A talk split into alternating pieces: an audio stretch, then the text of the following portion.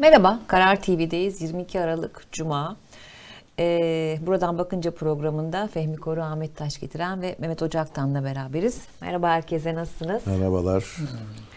Ee, tabeli de program yapıyoruz salı günü. Ee, hangisi hangi konu manşete çıkar diye konuşuyoruz ama her konu manşet. Gerçekten gündemde her konu manşet ama biz bugün e, Anayasa Mahkemesi'nin kararıyla başlayalım. E, en son manşet. En son manşet olduğu için onunla başlayalım. e, bir hatırlayalım ne oldu? E, Gezi Parkı davasında 18 yıla mahkum edilen e, tip milletvekili Can Atalay'ın hak ihlali kararı vermişti Anayasa Mahkemesi. E, 5'e karşı o 9 oyla pardon 5'e karşı 9 oyla. Fakat e, bu karar uygulanmadı. Ardından ikinci başvuruda bu kez 9'a karşı 3 oyla hak ihlali kabul edildi. Ee, şimdi benzer bir şey aslında Enis Berberoğlu davasında da yaşanmıştı. Ee, geçmişte hatırlıyoruz 11'e ki. 11'e karşı 3 oy değil mi? 11'e. Yanlış hatırlamıyorsam. Bu son. Bu, Bu sonuncusu son şey. 3. 11'e 3. 11'e 3. 11'e 3. Ben 9'a 3 dedim de o yüzden. 9'a 3. Rakamlarla aramın iyi olmadığını e, tekrardan burada hatırlatayım. Rakamlarla aram. Teşekkür ederim düzelttiğiniz için. Şimdi oy birliği var. E, Erdoğan'a yakın isimler de var e, Anayasa Mahkemesi'nde biliyoruz ki. E, şimdi bundan sonra ne olacak? Anayasa Mahkemesi'nin kararı uygulanacak mı? Uygulanmayacak mı? Adalet Bakanı e, yani işte Anayasa Mahkemesi ile Yargıtay arasında bir görüş ayrılığı ortaya çıkmıştı. Bu yeni karar, bu yeni kararın değerlendirmesini yine mahkemeler yapacaktır gibi gayet e, politik bir cevap verdi. Fehmi Bey ne bekliyorsunuz bu karar sonrasında? Vallahi bu karar sonrasında değil, bu karar öncesinde, Öncesinde. e, beklediklerimizin e, tam tersini yak- yaşadık yani. Hatta sizin özetiniz içerisinde tabii kısaca vermek zorundaydınız.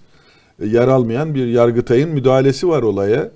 Ve e, Anayasa Mahkemesi'nin e, o kararı, birinci kararı veren üyelerinden dokuzu yani olumlu oy veren üyelerinden dokuzu hakkında suç duyurusu talebinde bulundu Evet. Cumhuriyet Başsavcılığına. Şimdi e, garip şeyler bunlar. Yani neticede bir hukuk devletinde yani hukukun geçerli olduğu yani anayasanın ve yasaların geçerli olduğu bir devlette Anayasa Mahkemesi'nin yeri bellidir. Anayasa Mahkemesi diğer mahkemelerle eşdeğerde değildir. Anayasada çok açık bir biçimde Anayasa Mahkemesi'nin kararları bütün devlet kurumlarını ve bireyleri bağlar diye bir madde var. Yani Yargıtay'ı da bağlar. Dolayısıyla Yargıtay'ın kalkıp da Anayasa Mahkemesi ile ilgili, Anayasa Mahkemesi'nin verdiği bir kararla ilgili onun uygulanmaması talebinde bulunması bir hukuk devletinde olabilecek bir şey değil. Ama ben e, bu işin bir de tarihsel e, arka planı var. Ondan kısaca bahsetmek istiyorum. Bir defa bizim e, bireysel başvuru diye bir şeyden dolayı rahatsızlık var. Yani insanlar gidiyorlar. Eğer diğer mahkemelerden bir sonuç alamazlarsa Anayasa Mahkemesi'ne bireysel başvuruda bulunabiliyorlar. Bu Can Atalay olayında olduğu gibi. Can Atalay'la ilgili bir mahkemelerin verdiği kararlar e, sonrasında bir yapılmış olan bir müracaata Anayasa Mahkemesi baktı. Bu biraz rahatsızlık konusu oluyor hükümet ve e, iktidar tarafından. Hatta iktidarın küçük ortağı olan MHP'nin lideri Anayasa Mahkemesi ilave edilsin tarzında yaklaşımlarda bulunuyor. Bu noktaya nasıl geldik? Bu bireysel başvuru nereden çıktı? Bireysel başvuru aslında Avrupa İnsan Hakları Mahkemesi'nin görev alanı içerisinde olan bir şey. 1987 yılında Turgut Özal rahmetli Türkiye'yi e, hukuk devleti kavramını bütünüyle kapsayacak bir ülke haline getirme amaçlı bir girişim olarak bu Avrupa İnsan Hakları Mahkemesi'nin bireysel başvuru hakkını Türkiye adına tanıdı. Şimdi ondan sonra insanlar burada sonuç alamadıkları ne varsa Strasbourg'daki mahkemeye başvurmaya başladılar. Onun e, orada verdiği kararlar hep Türkiye'nin aleyhine çıkıyordu büyük, çapta ve büyük çapta da e, euro üzerinden e, cezalar uygulanıyordu. Bu hükümet yani e, Tayyip Erdoğan'ın başında olduğu hükümetler ise bu e, bireysel başvuru hakkını acaba Anayasa Mahkemesi, Türkiye'deki Anayasa Mahkemesi'ne verilse nasıl olur sorusunun cevabı olarak çünkü Strasbourg'daki mahkeme Türkiye'deki Anayasa Mahkemesi'ni o kadar da itibar edilen bir mahkeme olarak görmüyordu. Onun için orada büyük düzenlemeler 2010 yılında yapıldıktan sonra bireysel başvuru hakkı içinde e, başvuruldu ve e, Türkiye'nin Anayasa Mahkemesi'nin bunu yapması kararı çıktı. O tarihten bu yana e, bireysel başvurular ilk olarak Türkiye'deki Anayasa Mahkemesi'ne yapılıyor. Yani bu aslında daha büyük cezalardan kurtulmak için bu hükümetin yani 22 yıldır ülkemizi yönetenlerin e, başvurdukları bir yöntemdir. Ve şimdi de Anayasa Mahkemesi'nin bu hakkını işlevsiz bırakarak sanki sonuç alınacakmış gibi davranıyorlar. Halbuki eğer e, Anayasa Mahkemesi'nden bu hak alınırsa, anayasa değişikliği yapıldığı zaman muhtemelen e, bu hakkın da Anayasa Mahkemesi'nden alınması gibi bir e, madde değişikliği söz konusu olacakmış gibi rivayetler var. Böyle bir şey yapılırsa daha büyük cezaların gelebileceği esas Avrupa İnsan Hakları Mahkemesi'nin yolunu açık bırakmış olacaklar. Ha onu da kaldırmak istiyorlarsa yani Türkiye'nin O başka bir Ha, onu da kaldırmak istiyorlarsa Türkiye o zaman bambaşka bir ülke olur. Yani Avrupa Konseyi'nin üyesi olan, kurucu üyesi olan bir ülke olmaktan zaten çok uzaklaştık da bunu da yapar yapılırsa, bu da yapılırsa çok daha başka olur. Şimdi Can Atalay konusu çok daha basit bir konu aslında. Yani neticede daha önce iki milletvekili Enis Berberoğlu ve Ömer Faruk Gergerlioğlu bu yönde e, kararlarıyla Anayasa Mahkemesi'nin yerel mahkemenin de o mahkeme kararlarının taramalarıyla döndüler ve milletvekili oldular. O dönemin Türkiye Büyük Millet Meclisi başkanları da buna hazır bir şekilde e, davrandılar. Yani bu karar çıktı. Yerel mahkeme de böyle bir yönde karar versin istediler ve o yönde kararlar verildiği için de e, meclise gelebildi o iki milletvekili. Şimdi ben Türkiye Büyük Millet Meclisi Başkanı Numan Kurtulmuş'u da anlamakta zorlanıyorum. Yani bir milletvekili eksik toplanıyor şu anda Türkiye Büyük Millet Meclisi. Bu meclis başkanını rahatsız etmesi gereken bir şey. Çünkü halkın seçtiği oylarıyla görevlendirdiği bir insan şu anda cezaevinde ve millet meclisi de bir üyesinin eksik olarak davranıyor. Halbuki biliyoruz ki mazbatasını da aldı. Avukatı geldi meclise. Mazbatasını, aldı. Evet. Dahası e, ne zaman yoklama yapılsa mecliste onun adı anılıyor. Çünkü mazbatasını almış bir milletvekili o. Ama e, bu milletvekili mecliste değil ve meclis başkanı da bu yönde girişimde bulunmuyor. Hep e, Adalet Bakanı'nın da yaptığı gibi çok yanlış bir yaklaşım içerisinde Adalet Bakanı. Kendisini bir partinin bakanı gibi görüyor ve öyle davranıyor. Halbuki o Türkiye Cumhuriyeti Devleti'nin başkanlık sistemi de olduğu için de partili kimliği de olmayan bir insan hiçbir tereddüde düşmeden şu anda e, Can Atalay'ın Türkiye İşçi Partisi milletvekilinin mecliste bulunmasını sağlayacak şekilde davranması gerekirdi. Ben umuyorum ki artık bu işi tadında bırakırlar. Kimler bu işi engelliyorlarsa ve e, yarından itibaren, pazartesiden itibaren meclis başkanı e, sorumluluğunu hatırlar. Yerel mahkemenin de bu yönde karar alması için yolu açar. Peki Ahmet Bey bu e, Can Atalay'ın e, davasında e, Can Atalay'ın Gezi davasından yargılanma, yargılanmasının bir şey olabilir mi? Yani bu kadar e, Anayasa Mahkemesi'nin kararının kabul edilmemesi şu bu falan. E, Tabii bu yani, davaya olan evet. hassasiyet mi? Tabii ki davaya olan hassasiyet bir boyutunda Osman Kavala var. E, Bir boyutunda e, Can Atalay var. Can Atalay niye sıcak gündem oluyor? Çünkü milletvekili seçildi. Emsal milletvekilleri var. Enis Berberoğlu, Ömer Faruk Gergerlioğlu gibi. Yani onlar da milletvekili seçilmeden önce mahkum edilmişlerdi. E, ama Anayasa Mahkemesi karar verdi ve uygulandı e, o kararlar. Şimdi Can Atalay'la e, konu gündemde. E, aslında geniş bir konu. Yani Fehmi Bey e, yani böyle bir tarihsel süreci de anlattı. Uzun uzun konuşulabilir. Avrupa İnsan Hakları Mahkemesi, Avrupa Konseyi, bizim Anayasa Mahkememiz ve sonuçta yargı problemimiz. Yani bizim yargıda problemimiz var ve bu iktidar döneminde bir kıvranıyoruz. Yani bir yandan e, bu iktidar işte bu 21 yıllık süre içerisinde Kopenhag kriterlerini, Maastricht kriterlerini yani Avrupa Birliği'ne girebilmek için bunlar bu kararları aldı. Binlerce sayfalık Avrupa Birliği müktesebatını getirdi. Avrupa İnsan Hakları Mahkemesi'ne bağlıyız, onun kararlarını uyguluyoruz. Evet, Fehmi Bey'in de söylediği gibi Euro üzerinden e, tazminatlar ödedik ve Anayasa Mahkemesi bir kolaylık açtı. Avrupa İnsan Hakları Mahkemesi, Anayasa Mahkemesi'ne bireysel başvuru hakkı e, tanımamız sebebiyle. Şimdi aslında Can Atalay'ın dışında da e, Anayasa Mahkemesi'nde binlerce Tabii. e, bireysel başvuru var. 80 bin miydi yanlış? E, yani Ciddi daha bir yeni rakam. karar Hı hı. verdi Anayasa Mahkemesi Yalçınkaya değil mi? Yüksel Yalçınkaya hakkında.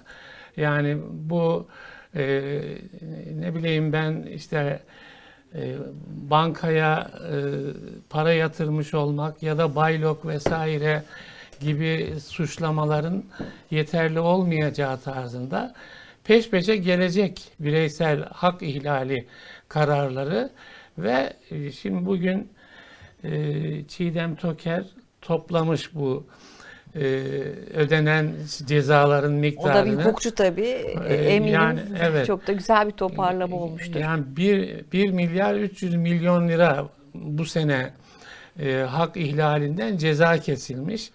Şimdi Can Atalay olayına baktığımızda ilk halk halk e, hak ihlalinde 50 bin lira. Bu ikinci hak ihlalinde 100 bin lira ceza kesilmiş. Şimdi muhtemel ki üçüncü bir hak ihlali kararı vermek gerekecek. Eğer e, Yargıtay daha önceki tavrını devam ettirmek ister ve e, hükümet de yani o işe göz yumarsa. Şimdi ben Adalet Bakanı'nın tavrına baktığımda top çeviriyor. Yani top çeviriyor. Yani halbuki çok net. Anayasanın hükmü çok net. Hatta 158. maddenin son fıkrası yani mahkemeler arasında e, farklılık ortaya çıkarsa Anayasa Mahkemesi'nin kararı belirleyicidir tarzında bir hüküm de var. Ya bu hükümleri bizim okuduğumuz gibi hükümet çevreleri de okuyor olmalı. Ama yani ya- yakında e, Avrupa Parlamentosu Türkiye raportörü Amor geldi Türkiye'ye. Yani onun verdiği mülakatlara baktım. Yani e, yargıda güven kaybediyorsunuz diyor. Yani yargı böyle işlemez diyor. Yani Avrupa İnsan Hakları Mahkemesi'nin şey var. Bir e, adeta arkadan dolanma e, intibağı veriyorsunuz diyor yargıda diyor. Yani bu işler böyle yürümüyor yani. Onun için şimdi Gezi'de bir takıntı var. Kimde? En tepede e, böyle bir takıntı var. Yani bu daha önce Avrupa İnsan Hakları Mahkemesi'ne Alevilik konusu giderdi. Kürt meselesiyle ilgili konular giderdi. Or oralarda da sıkıntılıydık biz. Hala da o konuları çözebilmiş değiliz.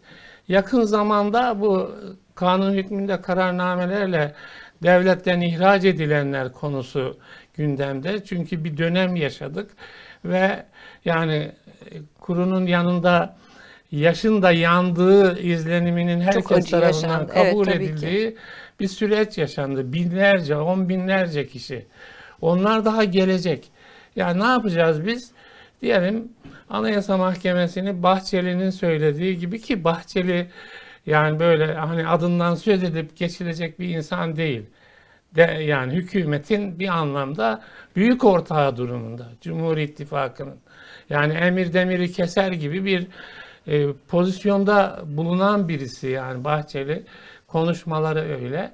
E, Anayasa Mahkemesi'ni iptal ettik. Sonra Fehmi Bey de söyledi. Avrupa İnsan Hakları Mahkemesi ile ilişkimizi de Avrupa Konseyi ile ilişkimizi de Kapıları kapattık. Böyle sıkıntılı durumlar olduğunda o zaman başka şeyler konuşulur gibi bir ifade var. Şimdi çok yaygın kullanılıyor bu. Konuşulur, konuşulabilir mi? Yani o zaman şey çok yani. başka şeyler konuşulur. Yani Türkiye nerede nerede duracak? Ya hukuku ne yapacağız biz?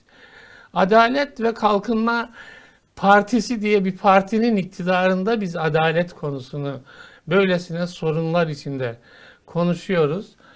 Yani ben akıl hakimi olsun diyorum. Yani bir ara bu Mehmet Şimşek hani rasyonel politikalar Politikaları. izlemekten başka çaremiz yok. O zaman dedim yani bir Adalet Bakanı'nın da çıkıp rasyonel olmaktan başka çıkar yolumuz yok demesi lazım. O, o da sanıyorum ki Sayın Cumhurbaşkanı'na bakıyor. Öyle bir şeyi diyebilmek için. Mehmet Bey bir inat mı var? Şimdi Ya şimdi bir eee, tarafta da çünkü özür dilerim lafınızı böldüm yani hani e, hükümete yakın e, bazı e, medya kanallarında platformlarda da yani o kadar dava beklerken Anayasa Mahkemesi niye bu davayı öne çekiyor falan gibi de bazı e, suçlamalar da var da ama bir inat mı var ne var yani? Şimdi aslında bu dava başından itibaren daha doğrusu ilk ihlal kararı verildiği zaman yapılması gereken son derece basit. Yani Anayasa Mahkemesi son merci, e, Anayasa'nın 153. maddesi son derece açık. E, alt mahkemeleri de, e, idari makamları da, e, yürütme e, makamlarında e, bağlayıcı, onların da uyması gereken bir şey. Şimdi e, alt mahkemeler, alt mahkeme daha önceki şeylerde de uymamıştı. Galiba e, Enis Berberoğlu davasında tekrar e, geldi gitti filan. Şimdi burada e, bir karar vermesi gerekiyor. Daha doğrusu Anayasa Mahkemesi'nin kararını uygulaması gerekiyordu. 13. Ağır Ceza Mahkemesi. O gelince hiç daha dokunmadan dosyayı aynen bu bir ateş topu üzerinden atayım gitsin Yargıtay'a gönderdi. Yani Yargıtay'ın normalde daha doğrusu Anayasa Mahkemesi'nin hak ihlali kararı verdiği süreçten itibaren alt mahkemenin bunu e, bir an önce uygulamaya koyması gerekiyordu.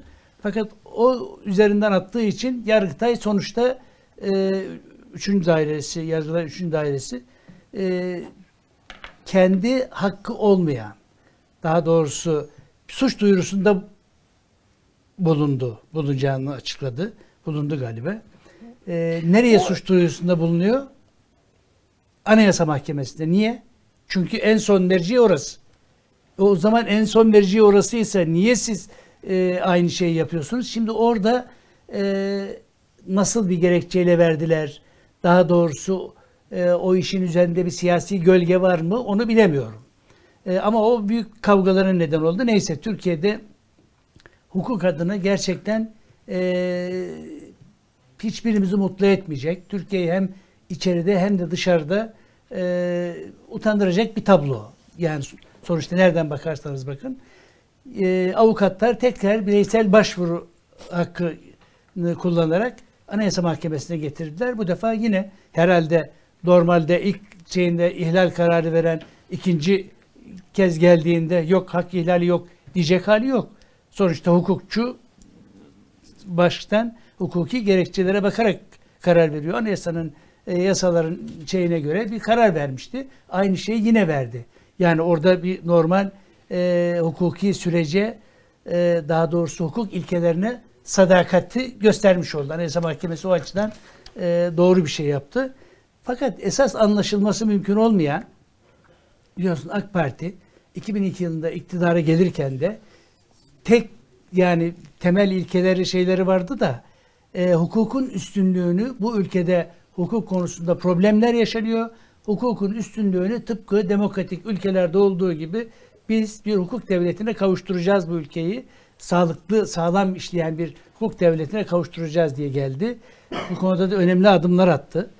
Mesela e, bugün e, mesela Osman Kavala e, davasında da Avrupa İnsan Hakları Mahkemesi'nin verdiği karara uymuyor. İşte arkadan dolaşmaya çalışıyor filan Türkiye.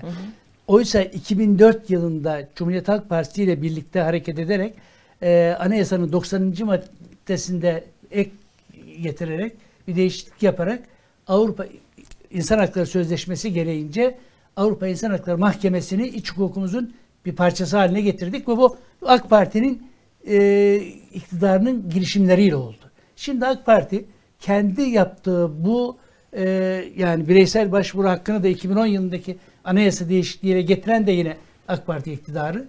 Şimdi kendi yaptıklarını yok ederek bir yere gidiyor ya da gitmeye çalışıyor ama Türkiye e, sonuç itibariyle Türkiye'nin e, hukuki görünürlüğünü e, aslında yok eden bir anlayış. Fakat tabii biraz farklı bir şey söylemek açısından söyleyeyim. Bence kendi açısından galiba AK Parti doğru bir şey yapıyor. Çünkü halkımızın böyle e, hukuk devleti, adalet, insan hakları, özgürlükler gibi derdi yok. Yok? Yani bence onu keşfetti Provokatif bir şey söylüyorsunuz. Biraz ters bir şey bir söylüyorum. şey daha AK var. Parti keşfetti. Dedi ki ben başka yerlerden gideyim. İşte vatan, millet, beka, BK, e, işte dış, dış güçler. düşmanlar da var. Bir şey var. E, bunlarla uğraşmanın uğraştım. Oysa uğraştı da Türk uğraştığı zaman gerçekten hak, hukuk, özgürlüklerle ilgili, e, adaletle ilgili yaptığı şeyler Türkiye'ye mesafe aldırdı. Avrupa Birliği ile ilgili e, tam üyelik müzakerelerine başladı. Yine e, Türkiye kendi ödevlerini tam yerine getirmediği için yürümedi. İş buzdolabında duruyor ama fakat Türkiye hem ekonomik anlamda önemli bir yere getirdi. O AK Parti'nin bütün bu şeyleri e, ekonomide ve özgürlüklerde, hukuklar, hukuk konusunda attığı adımlar, yaptığı hamleler Türkiye'ye kazandıran hamlelerdi. Şimdi kaybettiriyor. Yani bunu da AK Parti'de görüyor herhalde. Ama tercihi demek ki böyle. Tercih demek ki öyle bir şey Burada eklemek bir şey daha var. Şimdi e, yani siz de başlangıçta sunarken Tayyip Erdoğan'ın tayin ettiği insanlar da Evet. üyeler de e, oy verdi diye şey yaptınız. Yani Çoğunlukta insan- zaten onlar. Efendim? Çoğunlukta şu anda var. Çoğunlukta ama hakikaten 11'e 3 gibi bir oylamayla çıktı. Yani herkes şunu bekleyebiliyor ya e, bu hükümet tayin ettiğine göre hele Tayyip Bey tayin ettiğine göre Anayasa Mahkemesi'nden de onun beklentisine uygun karar çıkar diye öyle bir şey çıkmadı. İlginç e, bulunuyor o. Bir şey daha var. Bir oylama daha yapıldı. Niye çıkmadı sizce? Bir oylama daha yapıldı. Orada da oy birliği. Oy birliği, Oy birliği. evet, oy o da Anayasa Mahkemesi'nin kararlarının bağlayıcı olduğu ve uygulanması gerektiği. Şimdi Ki belki de konuşulması gereken önemli e, meselelerden biri de buydu. Yani o oy birliği. Şimdi şöyle bir şey. Tamam belli bir misyonla gönderiyorsunuz bir üyeyi ama önünüze hukuk metinleri çıktığında kendi kendinizle bütün yani hukuki birikiminizle çelişmeyi göze alamıyorsunuz. Yani bunu da yukarıdakilerin dikkate alması lazım. Tamam birilerine bir misyon yüklüyorsunuz ama o misyonun bile işlemeyeceği alanlar var. Yani hak açık hukuk metinleri söz konusuysa yani sorarlar adama yani sen hukukçu musun başka bir şey misin? Yani bütün bir şeyinizi, kariyerinizi e, harcamazsınız yani. Harcamıyorlar nitekim. O açıdan da ilginç bir deney sürüyor Türkiye'de. Yani iktidarın Yargıda bir beklentisiyle. de- dene, deney sürüyor Hukuk diyorsun. ya- şeyini yani bir deney alırsanız- sürüyor. Mesela Yargıtay daha farklı konumda oldu o açıdan. Belki biraz sonra bu Milli Eğitim Bakanı falan paralel yapı konularını konuşurken onu da konuşuruz. Hukukun şeyini zedeliyorsunuz. Yani e, sonuçta Yargıtay bir şey yapıyor da yani Yargıtay ile ilgili sonuçta insanların kafasında da bir takım şeyler oluşuyor. Yani bütün verdiğiniz kararlar aynı zamanda o tür sonuçlar da üretiyor. Yani hukuku şeye bırakmak lazım. Mesela Cumhurbaşkanlığı ben vekilken bir şeye şahit olmuştum. Şimdi bir yasa çıkıyor. Ee, işte bürokratik deneyimi de olan vekil arkadaşlardan birisi dedi ki bu çıkardığımız yasanın şu maddesi dedi Çankaya'dan döner. Abdullah Bey Cumhurbaşkanıydı. Dediler ki ya olur mu grup başkan vekilleri Abdullah Bey'e söyleriz şey yapar. Onaylı. Dediler ki "O, e, bizim işte bürokrasi deneyimi olan arkadaş işler öyle yürümez dedi. Cumhurbaşkanlığında bir hukuk kurulu vardır. Oraya gider. Der ki bu madde anayasanın şu maddesine terstir der. Ve bu raporu dedik Sayın Cumhurbaşkanı'nın önüne koyarlar. O da aynen o maddeyi iade eder. Yok yok tamam problem değil dediler. 15 gün sonra o madde geri geldi.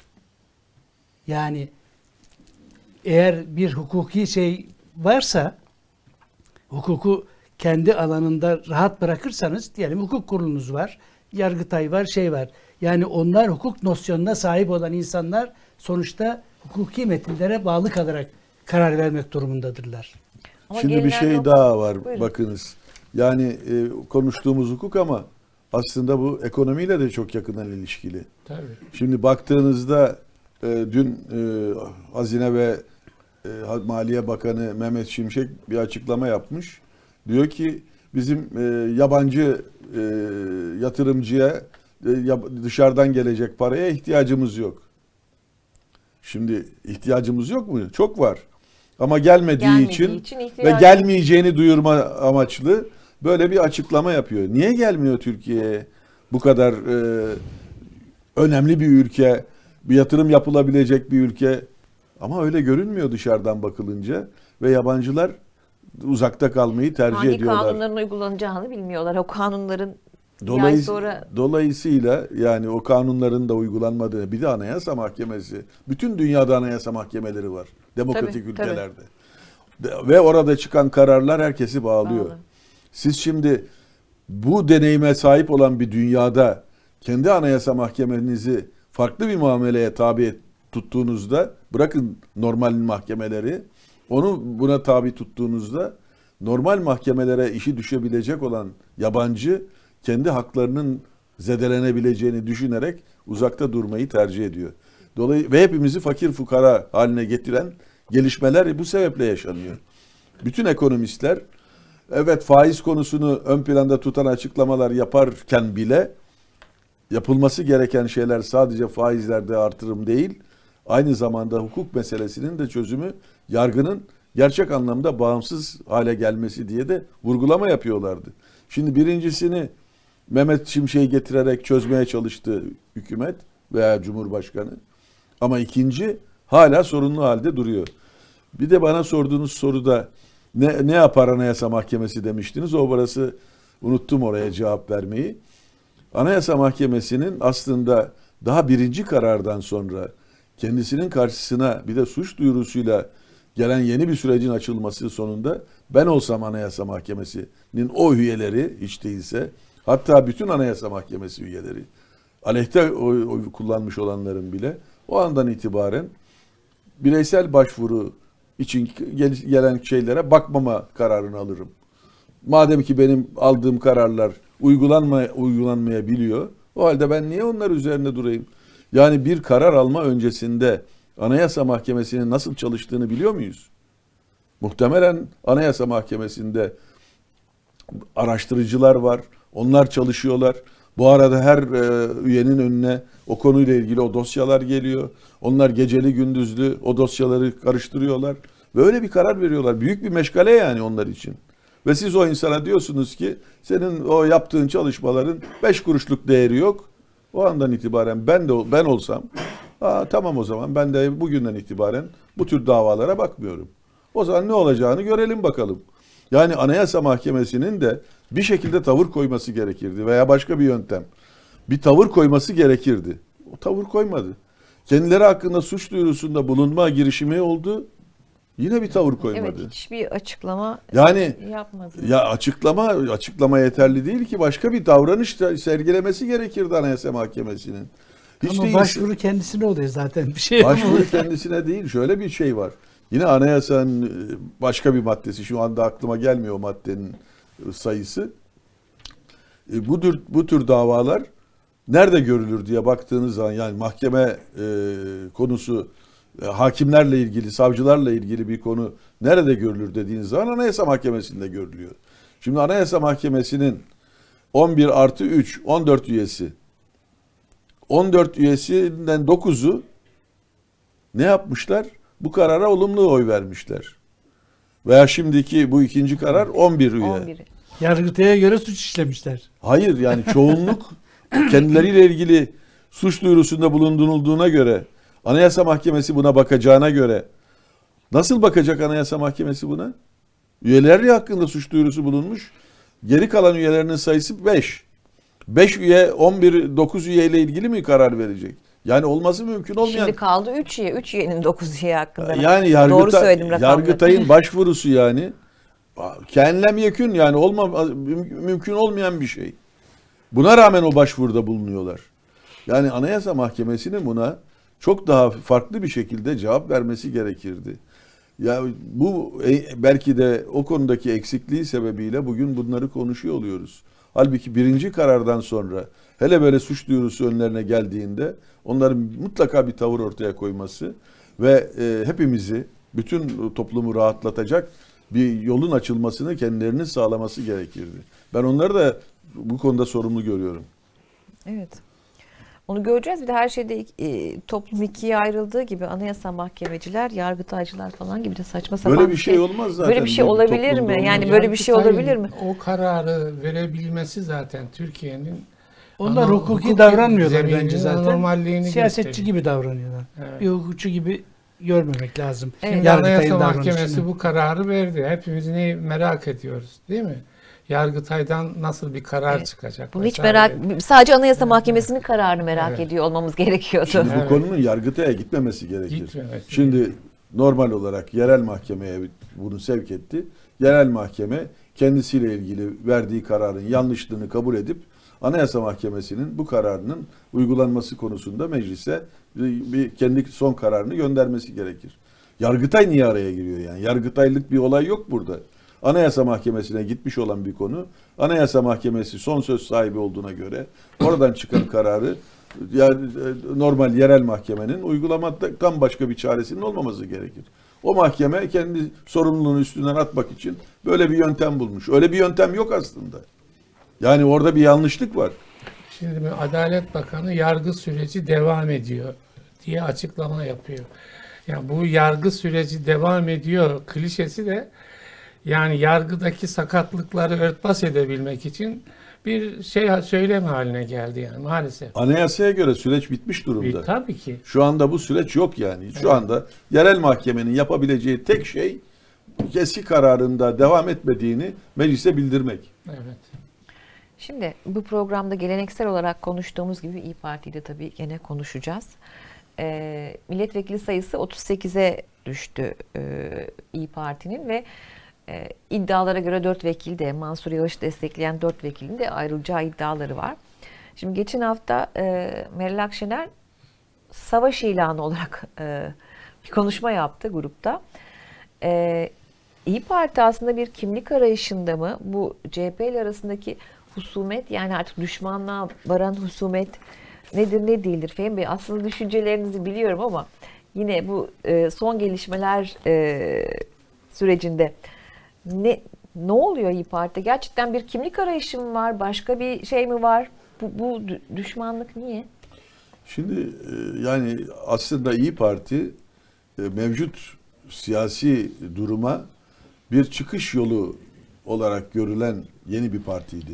Yani eli daha önce e, AK Parti'ye oy verdiği, MHP'ye oy verdiği halde artık ona e, oy vermeye gitmeyecek olan bir seçmen kitlesinin varlığından hissederek kurulmuş olan bir parti ve hakikaten de işte biliyoruz kamuoyu yoklamalarında en e, az yüzde 17 civarında oy alabileceği görülmüş olan bir parti. Bir rüzgar estirdi yani. bu Seçimlerde çok de işte ki. birinci seçimde de ikinci seçimde de yüzde on civarında oy alabilmiş olan bir parti. Yani bu istikbali olan bir parti demek. Kimlik arayışına girmesi gerekmeyen, kimliğini bulmuş olan bir parti demek.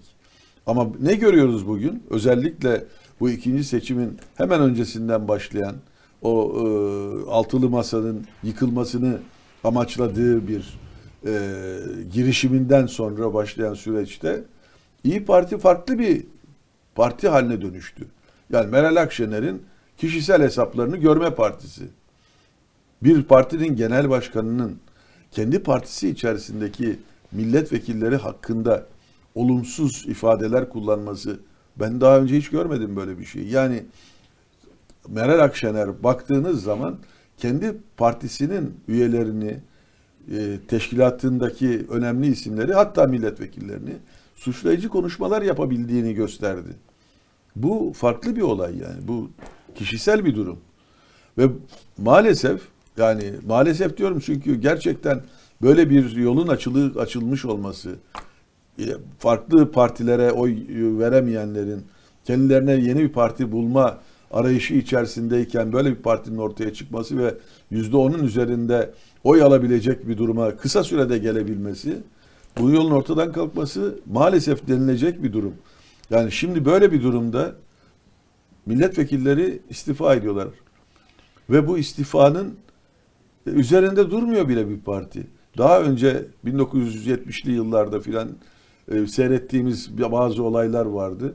Mesela e, Süleyman Demirel e, orada e, işte yaylacı denilen milletvekillerini tercih eden bir tavır aldığında muhafazakarlara karşı istifalar başlamış ve Demokratik Parti kurulmuştu.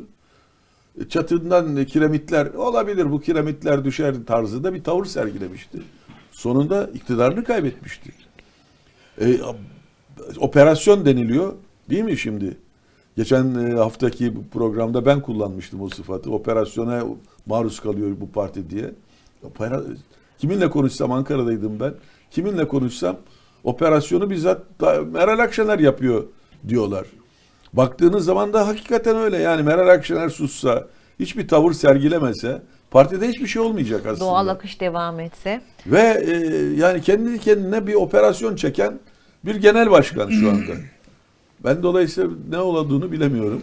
Eğer dediğiniz gibi parti içerisinde hala ayrılmayı düşünenler var ve zamanının gelmesini bekliyorlarsa o operasyonla irtibatlı veya irtibatsız e, parti geleceği de çok karanlık bir partiye dönüşüyor du- durumda. Meral Akşener bunun, buna rağmen genel başkanlığını sürdürebilir mi? Yine geçmiş deneyimlere bakarak eğer e, umut kaybolursa bir partide gene, ya genel başkan değiştirilir. Öyle olmuştur geçmişte. Ya da genel başkan ısrarcı olursa ben bu partinin başında illa kalacağım derse küçücük bir parti iyice küçülür ve e, o parti ar- konuşulmaz bir parti haline dönüşür. Şimdi e, sizlere de sorayım kısa kısa ki e, diğer birkaç konuya da vakit kalsın. Me, e, İyi Parti'den ayrılmalar arttıkça Meral Akşener de sertleşiyor. Yani aslında hakikaten bu siyaseti en azından ben anlayamıyorum. E, belki sizler e, daha böyle kısa kısa Evet, kısa kısa. yorumlayabilirsiniz. Şimdi e, tabii partilerde liderler önemli. Yani lider sürüklüyor bir anlamda partiyi.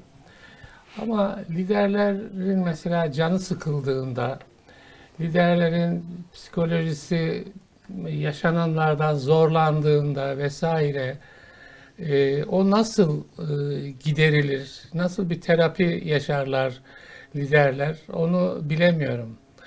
Ama e, liderlerin tavırları partileri de e, etkiliyor ve e, hakikaten İyi Parti şu anda e, Sayın Akşener'in e, psikolojik şeyleri sebebiyle bir türbülans yaşıyor. Yani bu türbülans yani kendi mesela şöyle birkaç aylık e, ilişkilerine bakıverse e, Sayın Akşener bu e, garipliği görür diye düşünüyorum. Yani televizyonlar şimdi bu konuları değerlendirirken geçmiş ilişkilere dair de görüntüler yayınlıyorlar. Mesela İstanbul'a gelmiş Meral Hanım işte e, Ekrem İmamoğlu'yla kucaklaşıyor.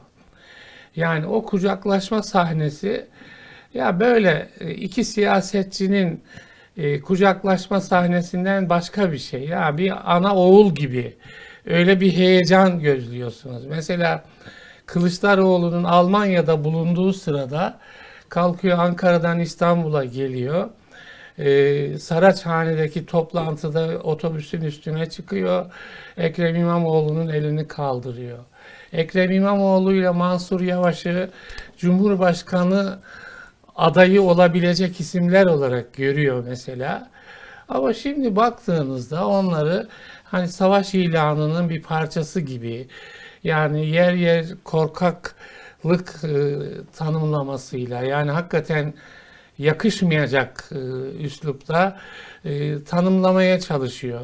Ben mesela masadan kalktığında yaptığı konuşmayı da ya bir lider konuşması olarak görmedim. Yani fazla duygulanmış, fazla duygu yüküyle bir konuşma, gidiyor, geliyor vesaire. O zamandan beri hani türbülans, türbülans bu kadar uzun sürmemeli değil mi? Bir uçakta düşüş psikolojisi bu kadar uzun sürmemeli ama sürekli bir eksilme yaşıyor. Mesela son olarak bir ay sonra görün siz İyi Parti'yi herkes bizden Bizi- bahsedecek bizden bahset. falan gibi. Ya bu da yani mevcut problemi geleceğe aktarma, geleceğe aktararak insanları e, bir ölçüde tatmin etme yaklaşımı. Bir ay sonra da bu süreç böyle devam ederse yani ortaya daha eksilmiş, daha azalmış, daha çok tartışılan İyi Parti'den başka bir şey çıkmaz. Orada İyi Parti'nin bu kadar konuşulmasının sebeplerinden birisi de ya muhalefette e, yani üstlendiği misyon oradaki düşüş sebebiyledir. Şu andaki bütün şeyleri ya iktidara yarıyor. Halbuki kendisi bir muhalefet partisi değil mi? Yani sonuçta e, yani evet CHP'den de oy almayı düşünebilir, MHP'den de AK Parti'den de ama daha çok iktidardan oy almayı ümit etmesi lazım. Ama duruş itibariyle mesela böyle mi götürecek diye ben merak ediyorum. Yerel seçimlerde bütün propagandayı böyle savaş, muhalefetle savaş ikliminde mi götürecek? Ya bu sağlıklı bir şey değil. Yani umalım umalım çabuk toparlansınlar. Belki bir ay sonra hep herkes iyi Parti'yi konuşacakmış. Ne olur da konuşur. Seçimlere kadar ve seçimlerden sonra da daha fazla konuşacağımız kesin öyle gözüküyor. Yani İyi Parti'de daha doğrusu şimdi mesela e, 81 ilde kendimiz aday koyacağız.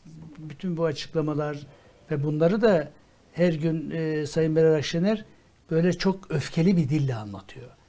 Yani e, bunu gören muhalefete bak ben size gününüzü göstereceğim gibi bir şey çıkarabilir insanlar. E, oysa muhalefet partisi daha çok iktidara yönelik söylemleri olması lazım. Muhalefeti yıpratmanın e, iktidara Satır aralarında görüyoruz onu da. Şimdi, Çok da sert bir üslup değil. e, dolayısıyla insanlar bunu öyle algılayacaktır. E, ama e, tabii muhalefetin kazanması kaybet muhalefet genelde tabii e, iyi bir e, fotoğraf vermiyor. E, ya işte Cumhuriyet Halk Partisi de e, henüz e, işte şey değiş genel başkan değişikliğine rağmen e, öyle önemli bir şey sağlayamadı. E, performans ortaya koyamadı ama en azından şöyle bir şey oldu. E, çok e, 14-28 Mayıs seçimlerden sonra bütün umudunu kaybetmiş, e, küskün olmuş muhalif seçmeni e, en azından Cumhuriyet Halk Partisi bağlamında biraz motive e, ettiği kanaatindeyim. Öyle bir e, şeyi oldu. Çünkü daha önce e, hiçbir şekilde asla sandığa gitmeyiz diye e, şey yapanlar biraz daha e, sanki sandığa gidebilecekmiş gibi bir muhtemelen seçim yaklaştıkça bu biraz daha şey olacaktır. Ama İyi Parti'nin e, şimdi tabii bu parti biraz merkeze gidebilseydi, merkez sağa gidebilme umuduyla bir anlam taşıyordu. E, çünkü MHP var zaten. E, MHP'den ayrıldığınıza göre MHP'nin ikinci bir şubesini kurmayacaksınız herhalde ya da öyle bir parti kurarsanız onun kopyası olur. Aslı dururken kopyasına ihtiyaç olmaz. Dolayısıyla e, bir merkeze doğru bir adım atabilseydi e, belki gerçekten bir umut haline gelebilirdi. Nitekim e, biraz öyle olduğu dönemlerde anketlerde de seçimler öncesinde e, bir şey ortaya çıkıyordu. İşte çok daha yüksek gösterenler vardı ama 14-15 civarında %14-15 civarında bir e, oran ortaya çıkmış gibi gözüküyordu. Fakat işte şey öncesi e, adaylık öncesi, seçim öncesi o gidişler, gelişler bir türlü bir üslup yakalayamadı. Yani bu üslup aslında şey bir üslup değil. Yani merkez sağa gidebilecek bir üslup asla değil. Onu öğrenmiş olduk. E, o yüzden muhtemelen yerel seçimlerde işte kendi başlarına girdikleri e, yani çok az belki küçük ilçelerde filan bir Belki şeyleri alabilirler bilemiyorum ama e, ortada koskocaman bir sıfır çıktığında e, partide e, belli şeyler olacaktır. Yani belli kaleler yıkılacaktır. O kimin üzerine yıkılır orasını bilemem ama iyi bir şey olmaz yani. Bir küçük hatırlatma bu konuda yapmak istiyorum. Yani operasyon e, eğer varsa böyle bir operasyon söz konusuysa e, ne zaman başlamış olabilir? Şimdi e, bir ara çok da uzak olmayan bir ara mevcut iktidarın en büyük partisi AK Parti küçük ortağından pek mutlu görünmüyordu. Aralarında biraz belli konularda farklılaşmalar ortaya çıkmaya başlamıştı. Her iki tarafın e, söylemlerine de yansımaya başlamıştı. Acaba e, küçük ortağından kurtulup e, kendisine yeni bir ortak arayışına gir, girebilseydi AK Parti hangi partiyle bunu yapabilirdi? Hem milletvekili sayısı bakımından hem de e, boşluğu doldurma aç- amaçlı İyi Parti ile yapabilirdi bunu.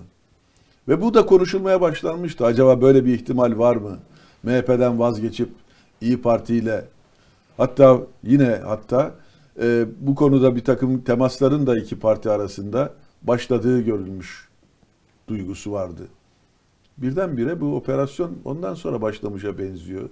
Yani eğer e, bir şey aranıyorsa hani CHP'yi suçluyor ya operasyon yap, yaptığı için e, suçlanacak başka yerler de olabilir diye düşünüyorum ben. İçimizi karıştırıyor anlamında bakıyor. Oysa eğer öyle bakılsa şimdi şey seçimler öncesinde e, Ekrem İmamoğlu ve e, şeyi mesela teşvik ediyorsunuz diyelim ki aday olmaları konusunda Mansur Yavaş'ı.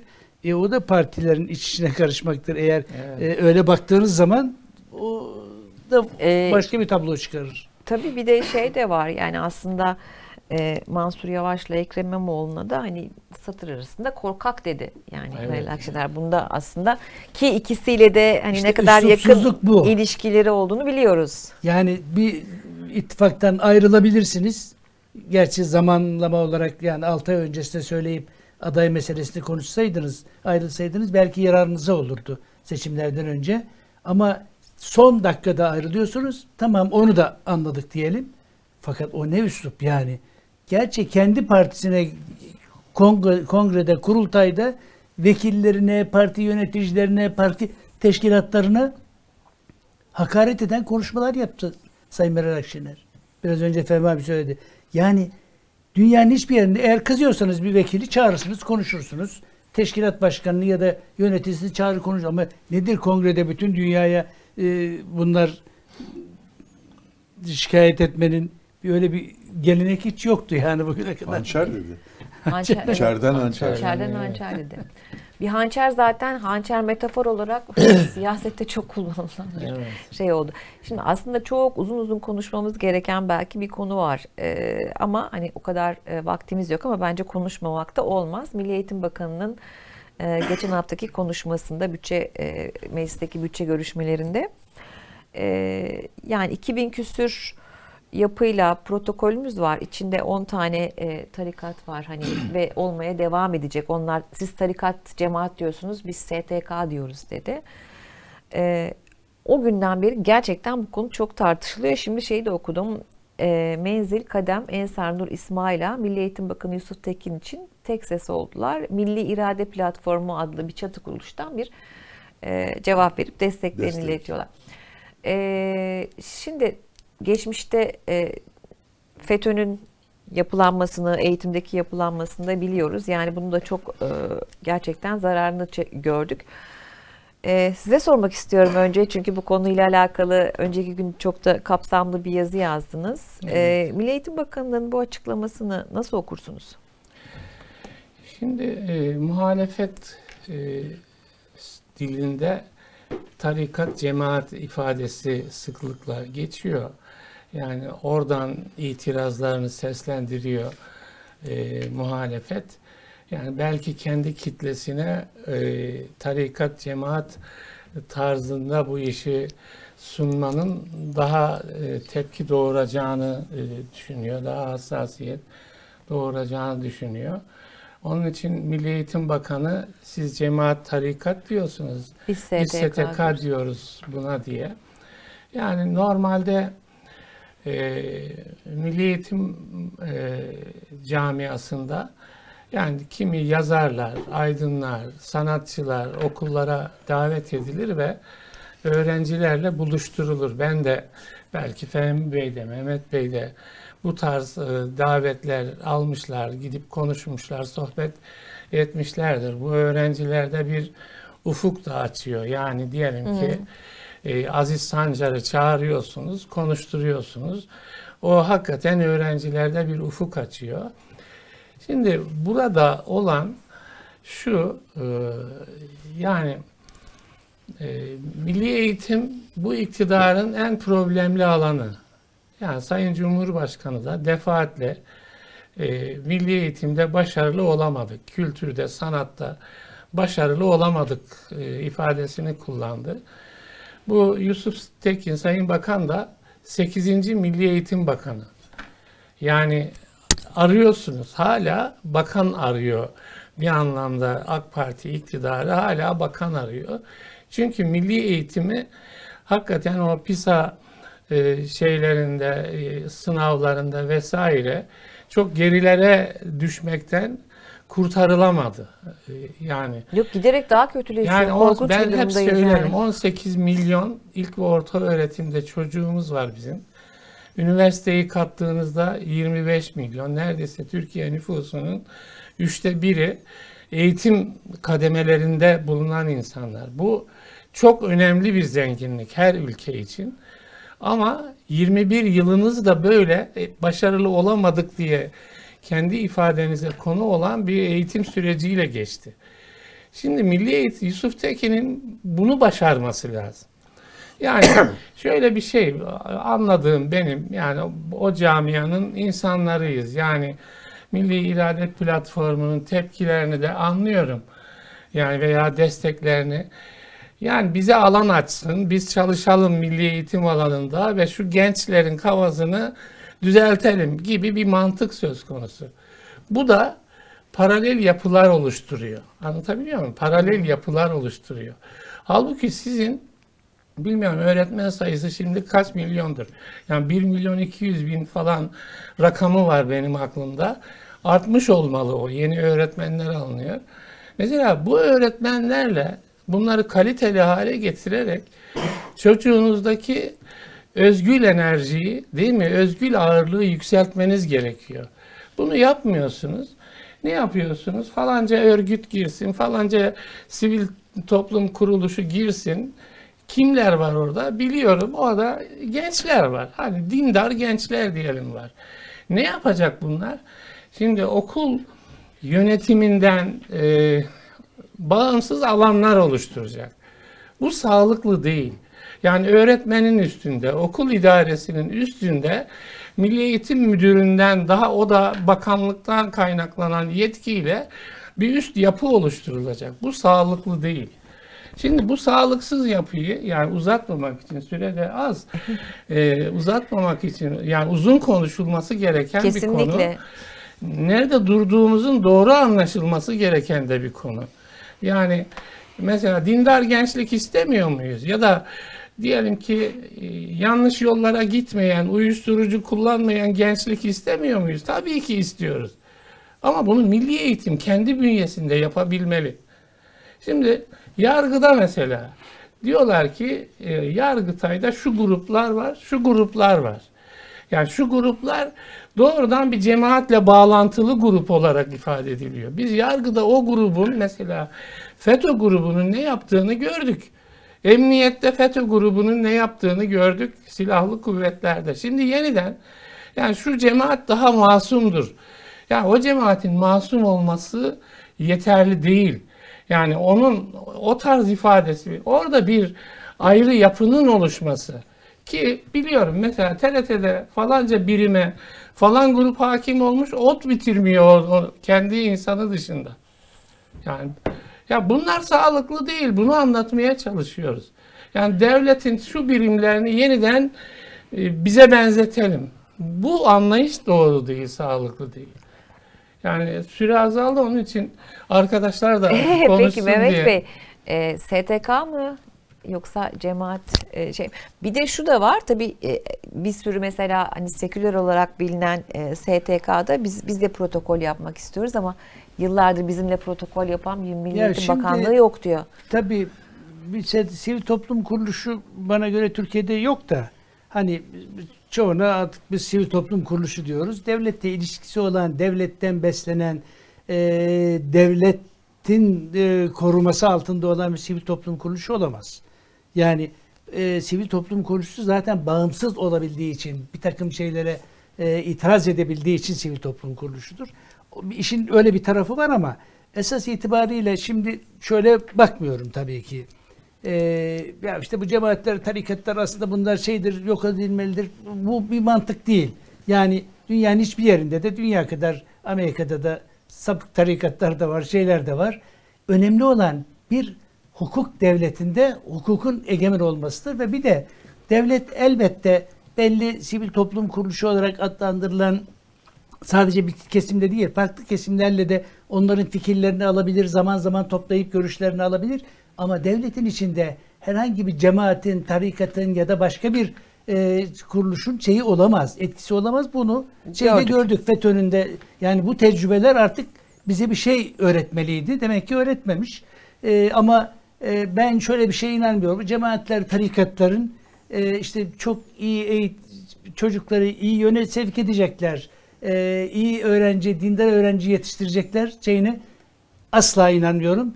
O yüzden de mümkünse onların kirliliğinden öğrencilerin zihinlerini, e, zihinlerini korumakta yarar var diye düşünüyorum. Nokta. Nokta. Fehmi Bey, gençlerin zihinlerini e, zehirliyorlar mı? Şimdi aslında e, devletin kendisinin yaptığı işler var. Yani Diyanet İşleri Başkanlığı'nın binlerce belki de on binlerce Kur'an-ı Kerim kursları var. Buralarda çocuklar eğitiliyorlar zaten. İmam Hatip okullarının sayısı bi- bin, herhalde 2000'in üzerinde şu sıralar. Yani Devlet Milli Eğitim Bakanlığı ve Diyanet İşleri Başkanlığı aracılığıyla zaten din konusunda cemaatlere, tarikatlara yer bırakmayacak şekilde tedbirlerini almış durumda. O bakımdan yani tarikatlar ve e, cemaatler eğer birer sivil toplum kuruluşu olarak kabul ediliyorsa bile hükümet ve iktidar tarafından bunların e, bir de Milli Eğitim Bakanlığı'na veya Diyanet İşleri Başkanlığı'na ek gibi düşünülmesi bence yanlış. Geçmişte siyasi iktidarlar bu tür e, varlıkları yani tarikatları ve cemaatleri kullanırlardı. Çünkü kullanılmaya müsait bir alan bu.